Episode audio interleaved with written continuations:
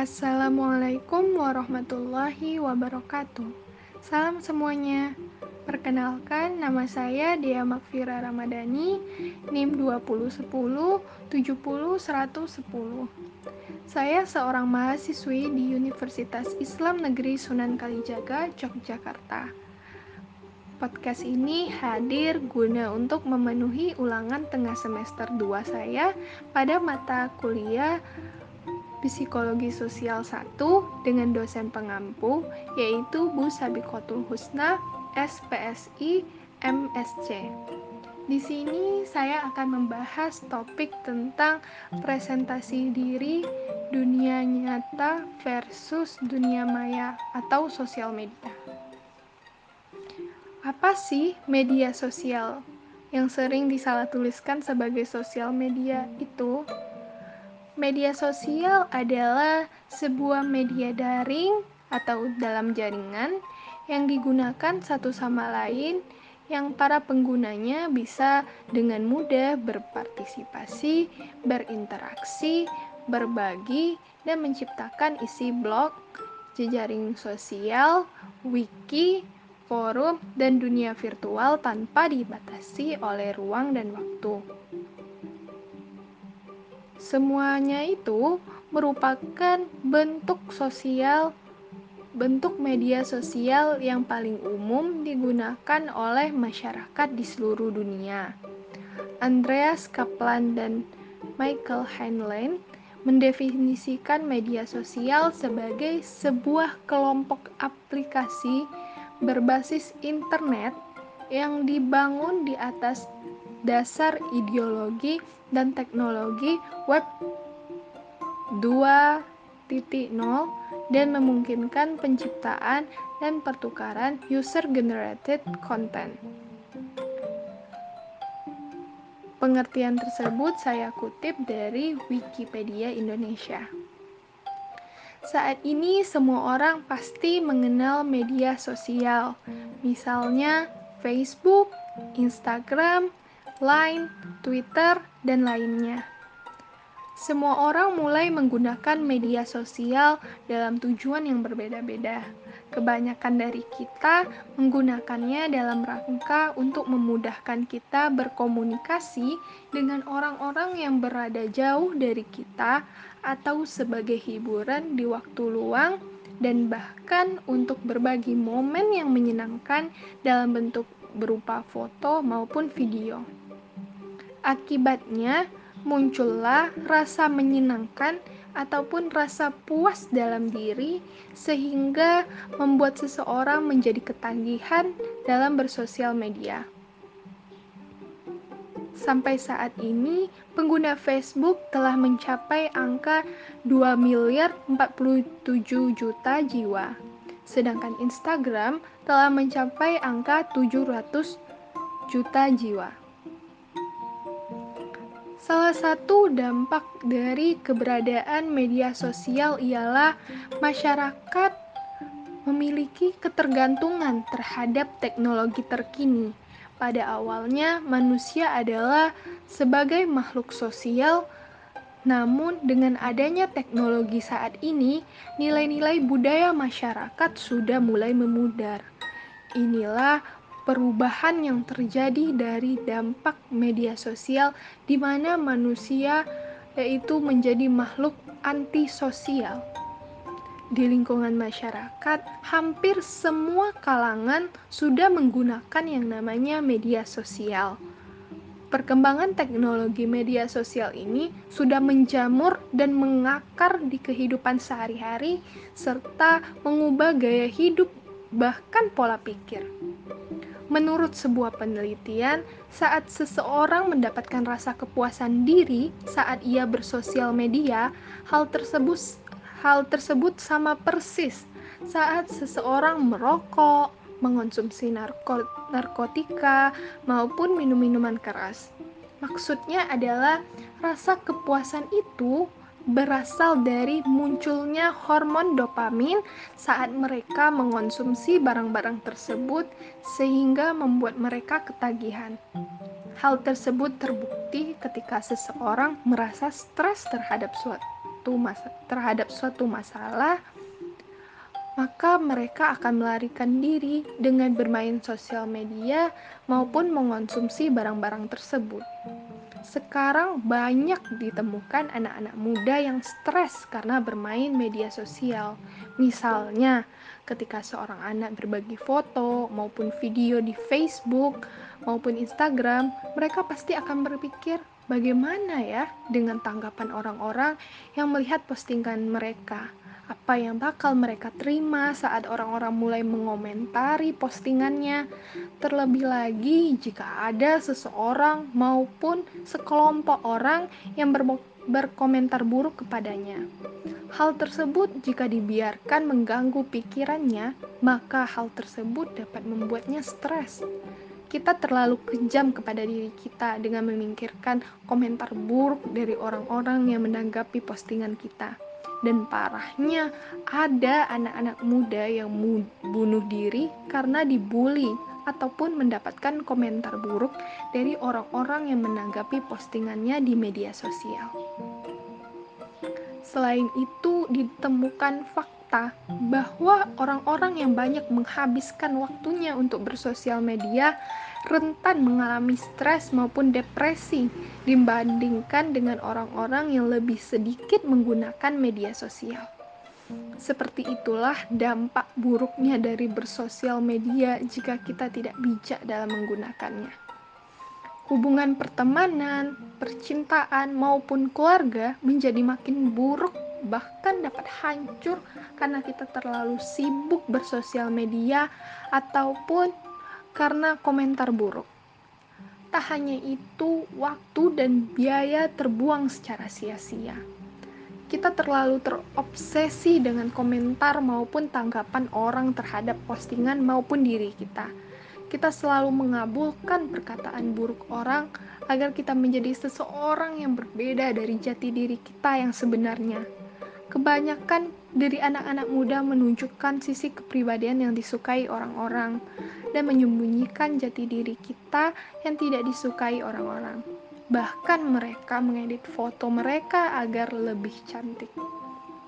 Dari sisi lain, saat individu melihat postingan seseorang yang begitu populer dari dirinya, ia langsung akan membanding-bandingkan kehidupannya dengan kehidupan orang tersebut. Hal tersebut juga dapat menimbulkan stres maupun depresi, dan bahkan ingin melakukan bunuh diri. Seseorang sering kali berpikir jika kehidupannya tidak sebahagia orang lain, ia akan merasa kecil dan tak berdaya, sehingga membuat kepribadian yang lemah. Agar semua hal buruk tersebut tidak terjadi dalam kehidupan kita, kita harus bijak dalam bersosial media misalnya bijak dalam memposting foto maupun video, berpikir dahulu saat ingin berkomentar pada postingan seseorang, menanamkan sifat optimis dalam diri kita jika kita dapat sukses dan bahagia dengan standar yang kita butuhkan. Lebih mementingkan hubungan pertemanan, percintaan, dan keluarga daripada bersosial media karena bersosial media itu bertujuan untuk mempererat hubungan dengan orang yang jauh, bukan menjauhkan orang terdekat kita.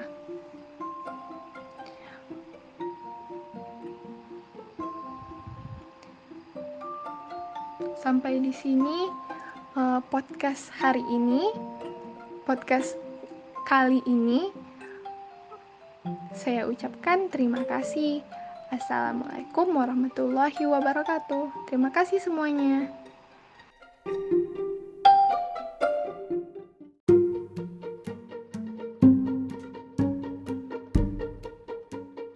Assalamualaikum warahmatullahi wabarakatuh. Salam semuanya. Saya senang sekali bisa kembali lagi untuk share pengetahuan saya tentang stereotip, prasangka, dan diskriminasi terkait pandemi saat ini. Sebagai penyakit baru, banyak yang belum diketahui tentang COVID-19, seperti asal mula sumber penularan, proses mutasi virus, serta obat atau vaksin manusia cenderung takut pada sesuatu yang belum diketahui dan lebih mudah menghubungkan rasa takut pada suatu individu atau kelompok yang berbeda. Seperti sensitif terhadap hal-hal yang tidak sesuai dengan lingkungannya. Inilah yang menyebabkan munculnya stigma terhadap etnis tertentu dan juga orang yang dianggap mempunyai hubungan dengan virus ini. Perasaan bingung, cemas, dan takut yang dirasakan dapat dipahami. Namun, bukan berarti dibolehkan berprasangka buruk pada penderita, petugas medis, keluarga, ataupun mereka yang tidak sakit tetapi memiliki gejala mirip COVID-19. Sebelum membahas lebih dalam, saya akan menjelaskan secara singkat apa sih itu stereotip, prasangka, dan diskriminasi itu. Stereotip Stereotip adalah keyakinan terhadap suatu kelompok sosial dalam hal trait atau karakteristik yang dipercaya dimiliki kelompok sosial tersebut. Misalnya, selama ini kita menganggap yang menjadi manajer di suatu perusahaan adalah laki-laki atau di saat pandemi ini ketika kita melihat ada orang yang bersin kita langsung melabeli bahwa ia telah terpapar COVID-19 Stereotip membuat kita menyetujui informasi yang sesuai dengan keyakinan tersebut dan menginterpretasikan informasi yang tidak konsisten dengan cara yang memungkinkan kita untuk mempertahankan stereotip kita. Prasangka merupakan respons emosional negatif kita terhadap keanggotaan kelompok. Biasanya dapat didasarkan pada berbagai kategori keanggotaan yang kategori keanggotaan yang berbeda seperti usia, ras, status pernikahan, pekerjaan, gender, agama, bahasa yang diucapkan dan lain-lain. Penelitian mengindikasi bahwa prasangka dapat merefleksikan respons emosional dasar yang lebih spesifik terhadap outgroup yang berbeda, termasuk rasa takut, marah, rasa bersalah, rasa kasihan, dan jijik. Perilaku-perilaku yang berbeda dapat muncul tergantung dari dasar emosional dari prasangka.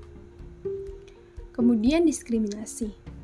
Diskriminasi adalah perilaku berbeda. Biasanya sifat ini termasuk negatif yang diarahkan kepada anggota kelompok sosial lain. Diskriminasi merujuk pada perlakuan tidak menyenangkan atau tindakan negatif yang diarahkan terhadap anggota kelompok yang tidak disukai. Apakah diskriminasi akan diekspresikan atau tidak bergantung pada perspektif eh, persepsi norma atau penerimaan perlakuan seperti itu. Secara rinci dapat dampak dari stigma COVID-19 antara lain akibat pengaruh berita yang ada di masyarakat, kita jadi mendorong seseorang untuk melakukan hal yang sebenarnya tidak diperlukan untuk mencegah infeksi COVID-19, kemudian mendorong masalah kesehatan mental baru akibat kecemasan, ketakutan, dan depresi di tengah pandemi COVID-19, sehingga mengakibatkan munculnya dampak lanjutan, yaitu dampak sosial ekonomi.